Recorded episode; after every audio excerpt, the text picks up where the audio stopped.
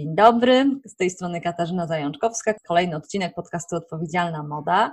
Dzisiaj rozmowa z Mirelą, z którą znamy się e, z Instagrama, ale obserwuję, jak fajnie pisze o, o psychologicznych sprawach i myślę, że to będzie świetny gość e, albo gościni, która nam opowie podpowie parę rzeczy w, w kontekście odpowiedzialnej mody, a raczej tego, jak ją ugryźć. No ale o tym za chwilę. Tylko teraz dam głos Mireli. Poproszę, żeby powiedziała kilka słów o sobie, co robi, dlaczego będę właśnie jej zadawać te wszystkie trudne pytania. Tak, przede wszystkim bardzo dziękuję za zaproszenie do podcastu, do tej rozmowy i porozmawiamy sobie dzisiaj o kilku ciekawych e, rzeczach. E, ja nazywam się Mirela Batok, jestem psycholożką, psychoterapeutką w trakcie certyfikacji. No i tutaj głównie z moich um, zawodowych działań, z moich doświadczeń będziemy mogły sobie o pewnych praktycznych aspektach mody porozmawiać.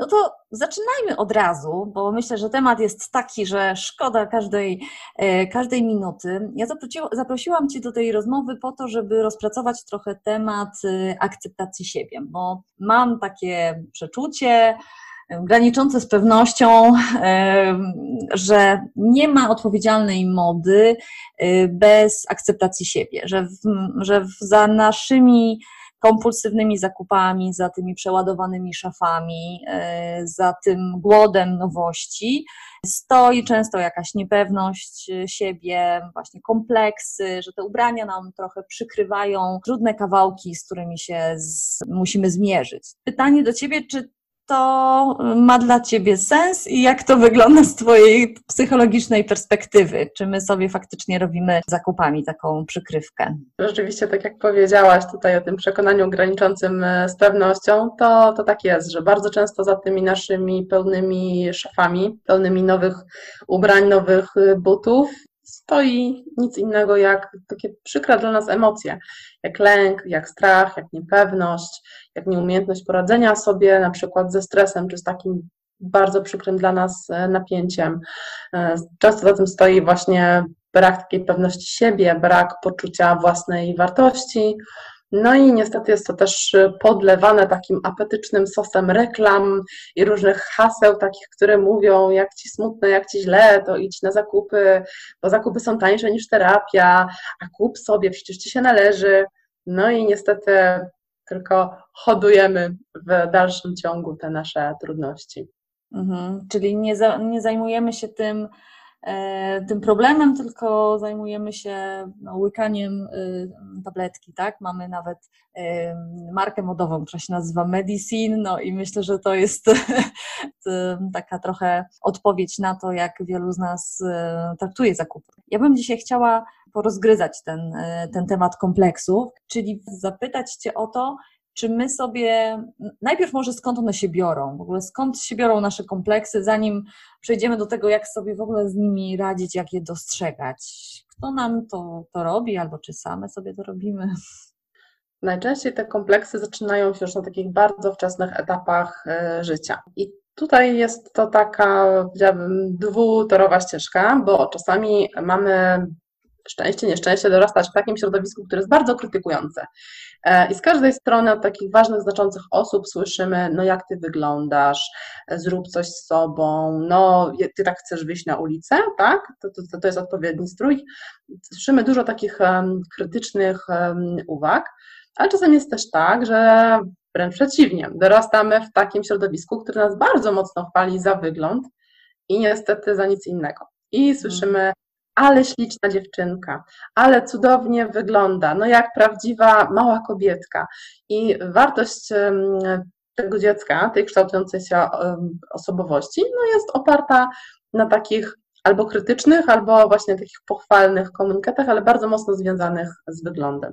I takie dziecko nie dowiaduje się, że rodzic jest dumny z niego za to, że pomimo tego, że to była bardzo trudna kartkówka, nie wiem, z matematyki czy z czegoś, że, że sobie dziecko świetnie poradziło, albo że jest dumny z tego, że zwrócił uwagę na nie wiem, chore zwierzątko na ulicy, tylko dziecko dostaje komunikaty, że ładnie wygląda albo że brzydko wygląda, że coś jest z jego wyglądem, z takimi estetycznymi walorami, a nie z takimi umiejętnościami, z jakimiś cechami charakteru. Mhm. I to pewnie w 90% dotyczy y, dziewczynek. To myślę, że to chyba my jesteśmy bardziej tresowane i trenowane do tego, żeby cały czas się no, troszczyć o to właśnie, żeby sobie tych pierwszych podkolanówek nie pobrudzić albo tej, e, tej wyjściowej sukienki. Chłopcy chyba y, jednak mają taki szerszy repertuar komplementów, y, które mogą zebrać, a nam się pewnie właśnie tak, to, to, to jest takie najprostsze i to się wydaje takie niewinne właściwie.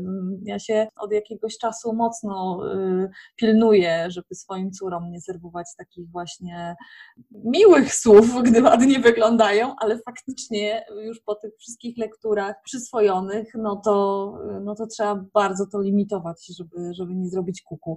A powiedz, oprócz domu, mm, oprócz tych pierwszych, takich najbliższych nam osób, które nas już potrafią w pewien sposób kształtować, co nam robi ten wiek dorastania? Bo, bo spotkałam się z taką opinią, że mm, na przykład anoreksja jest taką trochę niezgodą na Y, na dorastanie i może też taką próbą na przykład schronienia się w takim dziecięcym ciele, bo ta dojrzałość, y, te rosnące piersi, pupa to jest takie zagrożenie, które gdzieś y, będzie wymagało jakichś nowych wyzwań. My to oczywiście jako dziewczynki wiemy pewnie na jakimś podświadomym poziomie, ale jak to, jak to widzisz? Bo pamiętam ze swojego dzieciństwa, może nie z dzieciństwa, ale już z okresu liceum, że myśmy się po prostu wszystkie odchudzały. Nieważne, ile ważyłyśmy, e, po prostu no, modne było się odchudzać i modne było mówić, e, że jest się strasznie grubym, nieważne jak chudym się było. No to jak to z tego, z tego psychologicznego punktu widzenia wygląda? Rzeczywiście, pomimo upływu czasu niewiele się zmieniło, bo już od najmłodszych lat tak naprawdę dzieci, a szczególnie dziewczynki, no, są odbiorcami reklam, takiego bardzo agresywnego marketingu, który e, pomimo tego, że powiedziałam, jest agresywny, to on jest często taki bardzo lukrowany, tak, pełny brokatu, różu i pięknych e, haseł, natomiast jest bardzo dużo takich właśnie wymagań i takich powinności, które powinna spełnić dziewczynka albo spełnić e, kobieta. I rzeczywiście tutaj e, zmieniają się pewne kanony e, urody, pewne kanony wyglądu, ale ciągle jest to takie oczekiwanie, taka presja, że ta dziewczynka, dorastająca osoba, nastolatka czy, czy później młoda kobieta będzie to spełniać. Dziecko, które wchodzi do grupy rówieśniczej, to jest ten czas, kiedy rodzice już nie są takim autorytetem, rodzina nie jest już takim bardzo ważnym, znaczącym środowiskiem. Teraz jest ta grupa rówieśnicza. No i dziecko się do tej grupy w jakiś sposób musi dopasować. No i dopasowuje się do, do tych reguł, które, które są.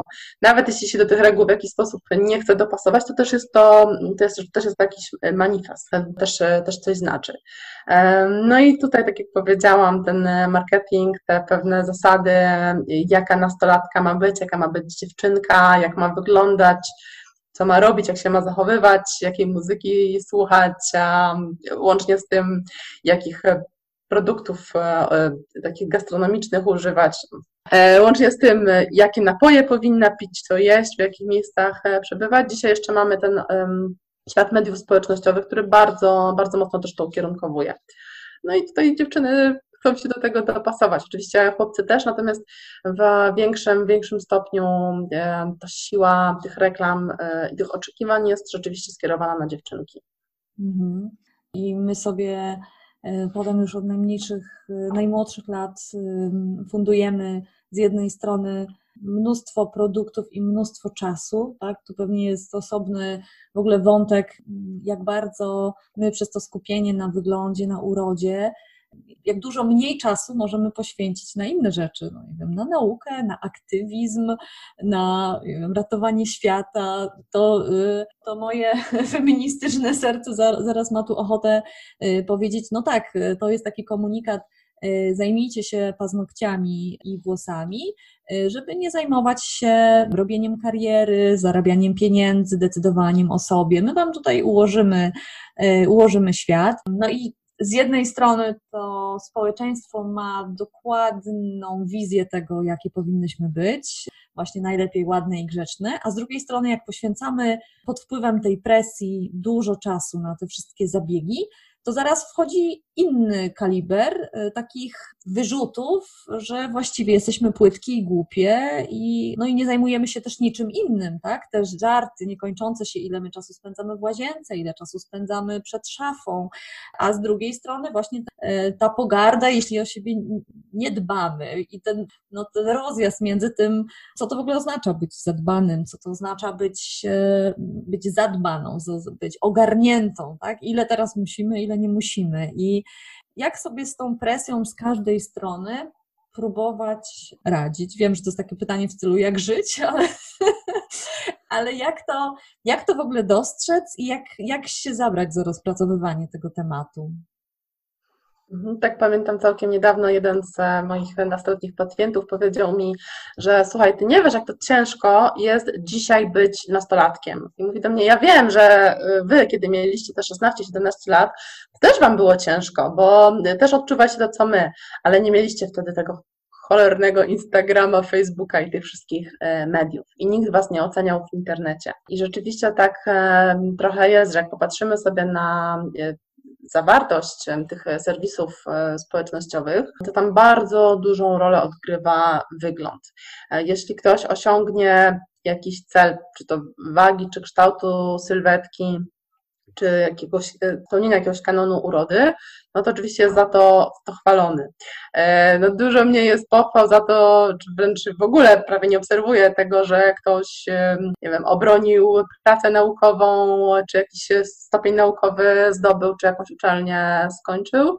E, nawet jeśli widzę zdjęcia jakichś sławnych osób, jakichś sławnych kobiet, które tak jak niedawno mieliśmy wybory prezydenckie i pamiętam, że właśnie jedna z celebrytek pokazała, że poszła zagłosować, namawiała swoich odbiorców do tego, żeby również e, poszli zagłosować, to więcej komentarzy pod e, zdjęciem było skąd ta sukienka, skąd te sandałki, pięknie wyglądasz, E, jaki masz odcień pomadki, e, oznaczenia sklepów, marek i konkretnych modeli po prostu ubrań. Więc rzeczywiście jest bardzo duża taka presja na spełnianie pewnych standardów wyglądu, standardów urody, takich kanonów piękna, które no też się zmieniają. Ja pamiętam za czasów takiej mojej wczesnej młodości.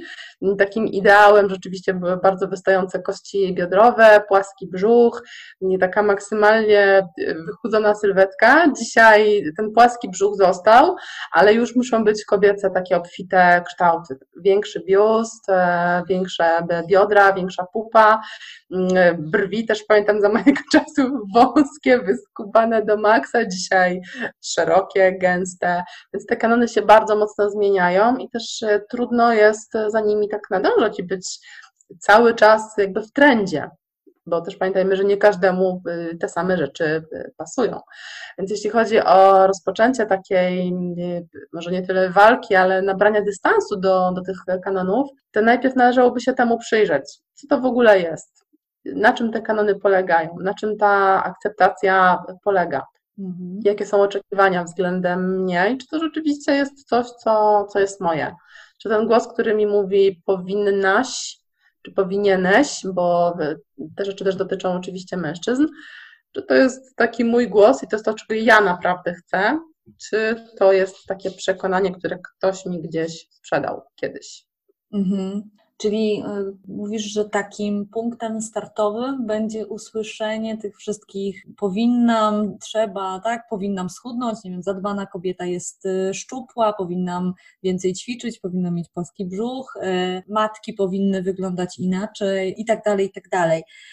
Czyli sobie możemy zidentyfikować albo próbować identyfikować te wszystkie przekonania, które tam pozbieraliśmy od mam, cioć, z telewizji i tak dalej. A powiedz, na ile jak już to zobaczymy i będziemy wiedzieć, że te przekonania, bo pewnie nie wszystkie, ale akurat te dotyczące wyglądu czasem robią nam więcej złego niż, e, niż dobrego, no bo wiemy, że możemy mieć przekonanie, na przykład mogę być jaka chcę i to jest całkiem niezłe przekonanie, ale jak mamy przekonanie, e, że tylko szczupła będę szczęśliwa, to zaczyna się e, miazga takich rozmów, w których kobiety mm, myślą o zmianie w swojej szafie, przychodzą na stylowe warsztaty i odkrywają, że na przykład chciałyby nosić czerwoną szminkę albo dżinsy, ale nie pozwalają sobie na to już od wielu, wielu lat, y, bo mają w głowie taki właśnie obraz, jakąś taką fantazję, że te jasne jeansy to są fajne tylko w rozmiarze 36, a ta czerwona szminka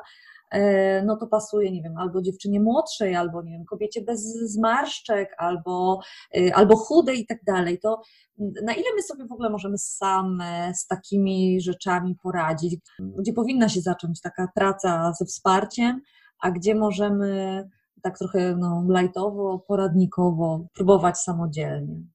Tutaj wszystko będzie zależało od takiej siły i natężenia tych właśnie głosów, tych powinności, tych standardów, tego, jak my same siebie spostrzegamy i oceniamy. Bo oczywiście nie ma nic złego w tym, że ktoś chce wyglądać ładnie albo chciałby tak się czuć estetycznie, zaspokajać pewne swoje estetyczne e, walory czy potrzeby, czy zadbać o swoje zdrowie i utrzymywać e, szczupłą, wysportowaną sylwetkę.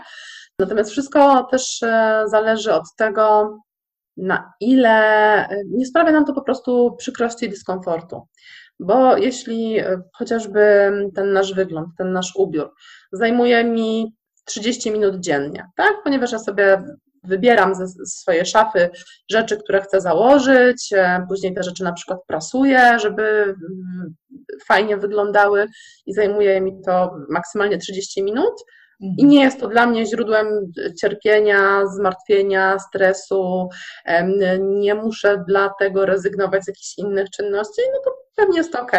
Natomiast jeśli ja y, cały czas myślę o tym, co mam na siebie założyć, jak mam się pomalować, czy te buty pasują do tej torebki, czy jak założę te kolczyki, to czy ktoś sobie nie pomyśli, że moja twarz wygląda jakoś, albo jak właśnie pomaluję sobie usta tą czerwoną szminką, którą bardzo chcę, e, to czy ktoś nie pomyśli o mnie, że no taka stara i się tak pomalowała, lustra w domu nie ma, e, czy, czy ktoś mnie nie wyśmieje i to sprawia, że się czuję źle, że się martwię, że odczuwam jakiś lęk, E, że na ulicy staram się, nie wiem, zasłaniać, bo już założyłam te jasne dżinsy, ale mam wrażenie, że wszyscy się na mnie patrzą, więc teraz muszę się jakoś, nie wiem, zasłaniać, iść kątami, chować za kimś i to przynosi mi bardzo dużo dyskomfortu i bardzo dużo cierpienia, no to to rzeczywiście jest e, sytuacja, która wymagałaby jakiejś konsultacji ze specjalistą rozpoznania, skąd się biorą te moje przekonania, jak wygląda rzeczywiście ta moja samoocena, ta moja wiara we własne siły, we własne możliwości też spostrzeganie ciała. Mhm. Mm, też mamy tak, taką, myślę, tendencję, żeby w ogóle jakby zabierać się za te wszystkie problemy trochę od innej strony. To znaczy, mam wrażenie, że często psycholog jest, czy psychoterapeuta jest w ogóle ostatnią osobą, o której my myślimy, więc pewnie długo będziemy wierzyć, że właśnie wystarczy, jak wiem, hasło na tablicy korkowej typu jesteś boska, albo słyszymy, no po prostu przejrzyj się w oczach ukochanego mężczyzny, on ci powie, że jesteś piękna, jak on ci powie, że jesteś piękna, to znaczy, że jesteś i już jakby nie wydziwiaj, prawda? A z drugiej strony to, co jest chyba dla mnie takim najsmutniejszym scenariuszem, to y, kiedyś przerabiałam, to to jak my sobie mm, przez kompleksy, jakieś takie ograniczenia odkładamy życie na później, tak? Czyli na przykład chciałabym schudnąć, schudnąć, ale nawet nie pójdę na ten basen czy pobiegać, bo wydaje mi się, że jestem za gruba, żeby, żeby się pokazać na siłowni albo żeby wyjść biegać, bo, bo pierwsze co usłyszę to jakieś trąbienie, E, i ktoś mnie właśnie wyzwie od, nie wiem, od grubych pasztetów albo dostanę zadyszki na pierwszej przecznicy i y, będzie obciach. Próbujmy może zachęcić dziewczyny, żeby tak nie demonizować tego, tego procesu terapeutycznego i taki ośmielający, ośmielające intro dla tych dziewczyn, które myślą, no, no, nie, nie, nie, no wszystko, mogę wszystkiego spróbować, mogę, mogę pójść ćwiczyć, mogę zacząć od poniedziałku, ale, ale praca z fachowcem to już nie.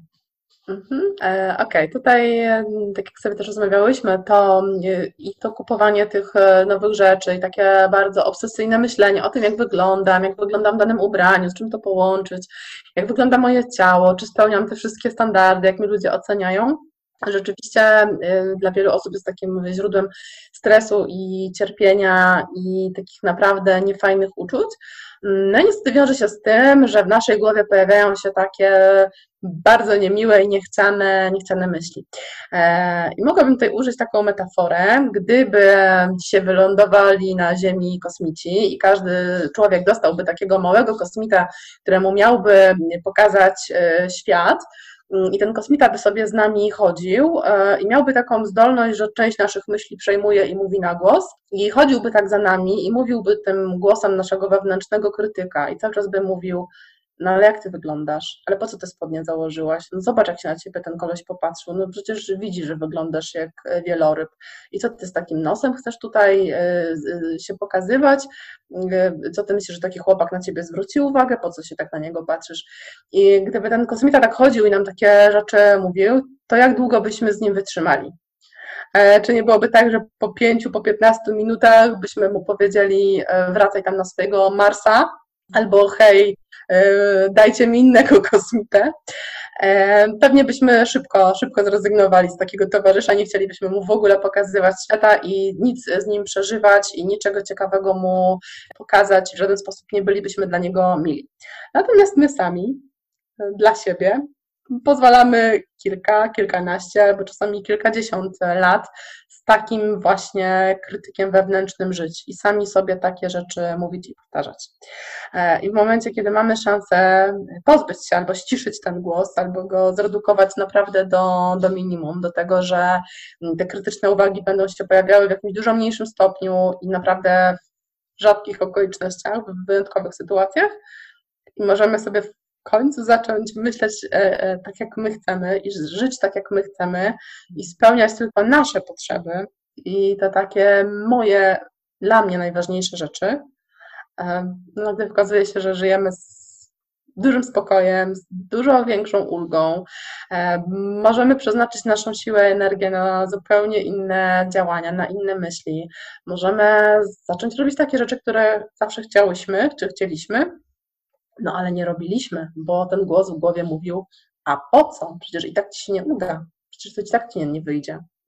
Nie? Mhm. Nagle się okazuje, że um, co byś robił, czy co byś robiła, gdybyś się nie martwił, nie martwiła.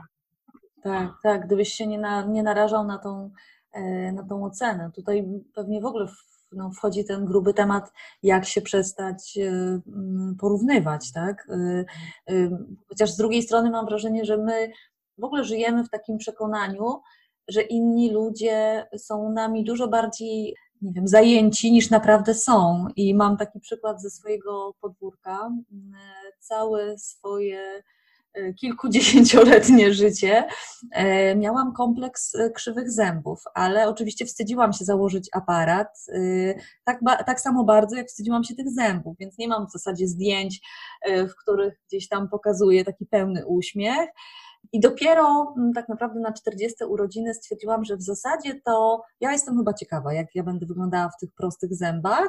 I y, stwierdziłam, że bardziej mi zależy na tej zmianie niż jakby przełknę, przełknę ten aparat, mimo że jestem, wiesz, wykładowczynią, mimo że idę do studentów, wszystko to, co kiedyś wydawało mi się, no nie, no teraz to już za późno, nagle stwierdziłam, dobra, w ogóle hello, może też mnie ośmieliło to, to tak jak z tym ruchem body positive, że widziałam tych aparatów więcej. To jest trochę tak jak my, nam chyba jest łatwiej trochę akceptować różnorodność ciał, kiedy te inne ciała, niedoskonałe, w cudzysłowie, widzimy, albo prawdziwe po prostu, widzimy w, widzimy w mediach, prawda? Więc jakby jeśli przestajemy oglądać taki lukrowany świat, pozwalamy sobie e, też na jakieś takie z, e, zmiany, zmierzając do puenty, jak założyłam wreszcie ten aparat, to nagle okazało się, że co najmniej połowa znajomych powiedziała, a ty w ogóle miałaś krzywe zęby?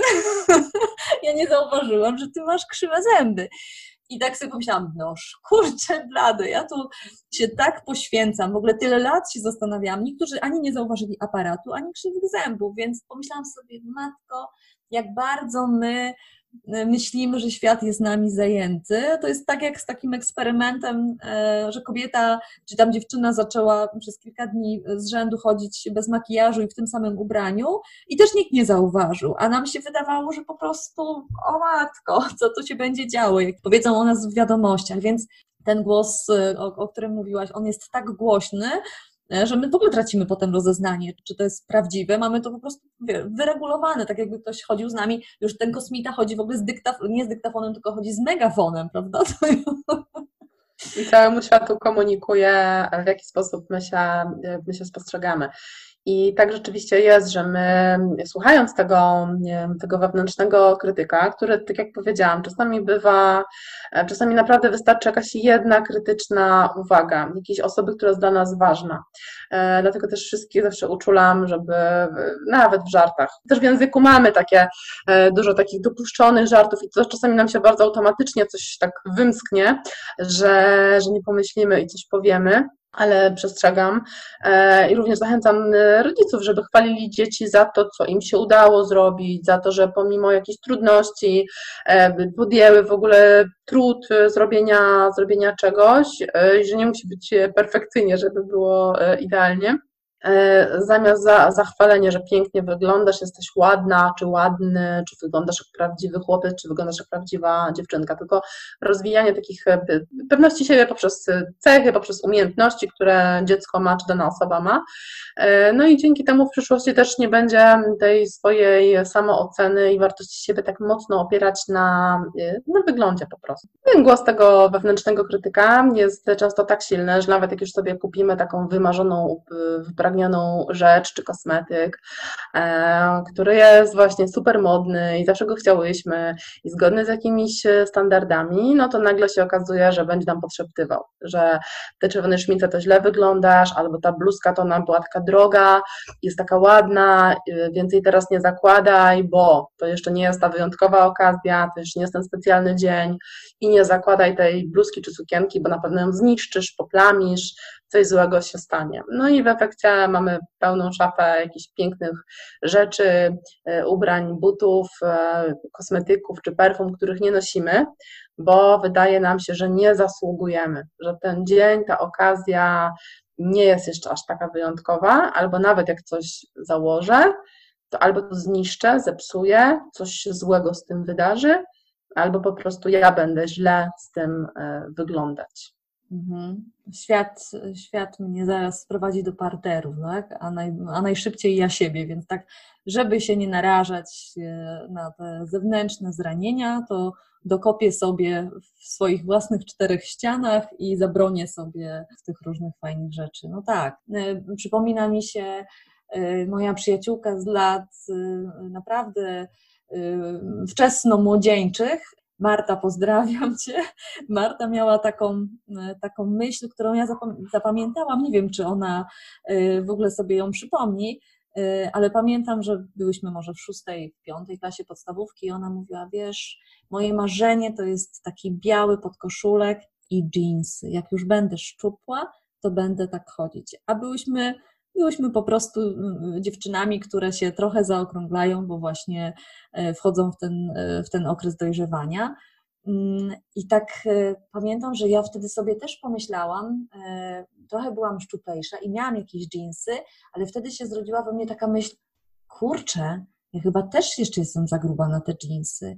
I, I, taka, taka myśl, nawet właśnie nie moja, ja sobie po prostu przyswoiłam ten kompleks i też sobie dałam bana na jeansy na no nie wiem, dobrych kilka lat, tak? Albo nosiłam je tylko do jakichś długich bluz w rozmiarze XXL, żeby właśnie wszystko przykryć, od biustu przez, przez pupę, tak? No tak jeszcze damy gwiazdkę, że to było mniej więcej w momencie, kiedy ważyłam jakieś, nie wiem, 50 kilo, więc to, to, był, te, to był ten rodzaj otyłości przy, przy wzroście tam metr 50 czy 60, więc no można, no można, można nawet pożyczać sobie kompleksy, tak sobie myślę.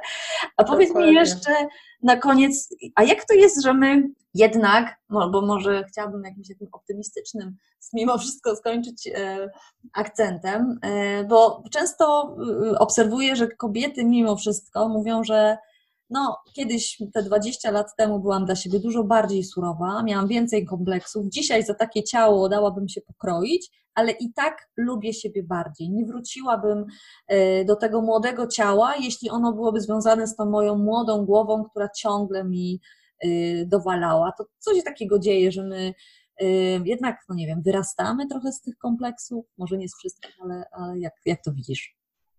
Trochę tak jest, że z wiekiem nasza pewność siebie E, wzrasta, w sensie już nie jest tak mocno uzależniona od opinii innych osób. E, tutaj też często dochodzi taki czynnik, że my się konfrontujemy z, e, z chorobami, ze śmiercią, bo już jako, no niestety w tym wieku, co my jesteśmy, mamy już takie doświadczenia, że jacyś nasi znajomi giną, umierają, chorują na, na coś takiego ciężkiego, przewlekłego i nagle okazuje się, że w tej sytuacji nie ma znaczenia, jak, e, jakie ktoś miał włosy, czy jaki miał kształt e, tego ciała, czy jakie miał ubrania, e, bo jeśli nie ma tego zdrowia albo wręcz stracił to życie, to nagle pokazuje, że że, że to niestety no, no, no w niczym nie, nie pomogło, tak? Jak to się mówi, że do, do trum, nie ma tak trumny tak dużej, żeby pomieściła wszystkie nasze, nasze rzeczy, nasze plany, marzenia i ambicje.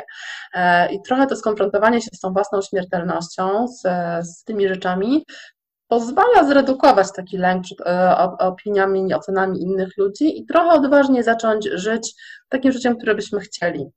E, często też sytuacje, kiedy już mamy spełnione takie cele, jak właśnie założenie rodziny, wychowanie dzieci, już nie musimy na przykład zdobywać e, partnera do, do, zakładania, do zakładania rodziny, też jesteśmy w takiej, takiej mniejszej, mniejszej presji na spełnianie tych, tych kanonów.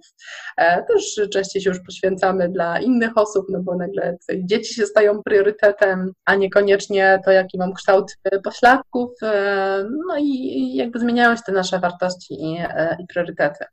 Też kiedy obserwujemy właśnie pogarszającą się sprawność ciała, no to właśnie wolelibyśmy to nawet to nie, niedoskonałe, nieidealne ciało z, nie wiem, z trądzikiem, z, z rozstępami, ale sprawne, które jest w stanie y, wejść na czwarte piętro bez zadyszki, a w sytuacji, kiedy ok, już nie mam tego trądziku i nie wiem, rozstępy czy kształt pośladków nie jest moim y, problemem, ale mam jakąś chorobę, czy pogarsza się moja sprawność i nie jestem w stanie samodzielnie wejść na czwarte piętro, no to, to, to, to wiemy wtedy, że, że ani zawartość mojej szafy, ani e, makijaż, ani spełnianie jakichś e, kanonów e, piękna, no nie ma w tym momencie znaczenia. Mhm. To chyba też potem fajnie widać w takiej motywacji do ćwiczeń, prawda? Że czym jesteśmy starsze, tym bardziej zaczynamy ćwiczyć właśnie dla, dla, dla siły, dla jakiejś elastyczności, dla zwinności. To tak jak pewna nauczycielka jogi mówiła, że ona najbardziej lubi ćwiczyć z seniorkami, bo one przeżywają co chwilę takie mm, małe święta i na przykład celebrują to, że same sobie zawiązały buta. I to jest y, jakby taki bonus zaćwiczenia, podczas gdy my przez wiele lat potrafimy ćwiczyć y, tylko po to, żeby właśnie no, nadać ciału kształt y, i, i tylko ta, ta wizualny aspekt nam, nas interesuje, a potem faktycznie nagle dostrzegamy, że no właśnie może, może niekoniecznie zgrabne nogi, ale może silne nogi, prawda? I, i może sprawne, może takie, które, które nie bolą. Czyli możemy po, pocieszyć e, te młode dziewczyny, że kochane, jak zacznie was strzykać, to nie mogą. To, to będziecie, e, będziecie trochę dla siebie łaskawsze, tak? No dobrze, Mirela, jeśli coś e, chcesz na koniec e, dziewczynom i, i kobietom podpowiedzieć, jakiś, wiesz, złoty tip, to to jest, to, to jest ten czas. Okej, okay, może nie będzie to odkrywcze, to powiem, natomiast warto o tym e, pamiętać, że e, nasz wygląd, nasze ciało, nasze ubrania, czy wartość naszych ubrań, czy torebek, butów, jakichś takich gadżetów w żaden sposób nie umniejsza, czy nie decyduje o naszej wartości, bo o tym tak naprawdę decydują, świadczą nasze zachowania, to jacy jesteśmy dla innych ludzi, dla siebie, jak się zachowujemy na co dzień w relacjach e, z bliskimi. E, jeśli ktoś e, nie jest ze sobą szczęśliwy, nie jest pewny siebie, to choćby się wystroił w najlepsze markowe ubrania, a nadal będzie miał takie przekonanie, że nie odzywaj się, bo i tak powiesz głupotę, i tak się wszyscy będą z ciebie śmiali, to to, to, nie, to niczego nie zmieni. Mhm. Czyli odpowiedzialna moda zaczyna się w głowie i no i bez e, takich porządków pod, e, pod czaszką pewnie będzie nam ciężko e, budować takie życie, jakiego byśmy chciały, nie? że tak pojedziemy poradnikowym sloganem. Tutaj tak, trzeba zacząć od, od, od samych siebie, od zbadania tego, jakie są nasze mocne strony, żeby na tym zbudować poczucie własnej wartości i tą, tą samoocenę i właśnie być wdzięcznym e, naszym ciałom za to, że, że w nich że po prostu żyjemy, że możemy żyć, e, za to, że, że możemy właśnie samodzielnie sobie pewne rzeczy y, załatwić czy pójść, czy, czy zjeść, czy cokolwiek innego zrobić, a nie za to, że moje pośladki mają kształt pożądany w tym sezonie, bo za dwa sezony ten kształt się zmieni. Tak. Te ciała myślę, że po prostu chyba, chyba to, co nam robiła kultura przez wiele lat, łącznie pewnie z religią, to oddzielanie duszy od ciała nas nauczyło traktowania ciał w taki instrumentalny sposób, czyli to ciało grzeszne i te nasze święte dusze, więc to ciało trochę jako instrument taki, nie, nie jako część nas, którą też jakby obejmujemy taką troską, ale jako coś, co e, no, albo jest idealne, albo w ogóle niech, niech spada, prawda? Więc e, mhm. no tutaj no, myślę, że dobrą robotę robi i ten ruch ciało pozytywny, i ten ruch ciało neutralny, w który po prostu mówi też o tym, żeby żeby trochę z tego ciała zejść, już nie tylko akceptować, e, albo najpierw zaakceptować, ale potem po prostu zająć się, zająć się życiem, prawda? I nie kręcić się tylko wokół, wokół tego. Bardzo Ci dziękuję i, i już z tego punktu zapraszam do następnej rozmowy, w której e, pochylimy się nad zakupami, bo to jest e, ściśle związane z tym pewnie, jak postrzegamy siebie, więc, więc będzie, będzie kontynuacja. Super, dziękuję Ci pięknie. Dziękuję również za zaproszenie, dziękuję za rozmowę. Bardzo Ci dziękuję za wysłuchanie tego odcinka. Wszystkie notatki i linki znajdziesz w opisie tego podcastu na odpowiedzialnamoda.pl. Zapraszam do subskrybowania podcastu w ulubionej podcastowej aplikacji. E, będzie mi też super miło spotkać się z Tobą na Instagramie lub Facebooku. Tam też e, znajdziesz mnie jako odpowiedzialnamoda.pl. Do usłyszenia, mam nadzieję. Pozdrawiam serdecznie. Pa!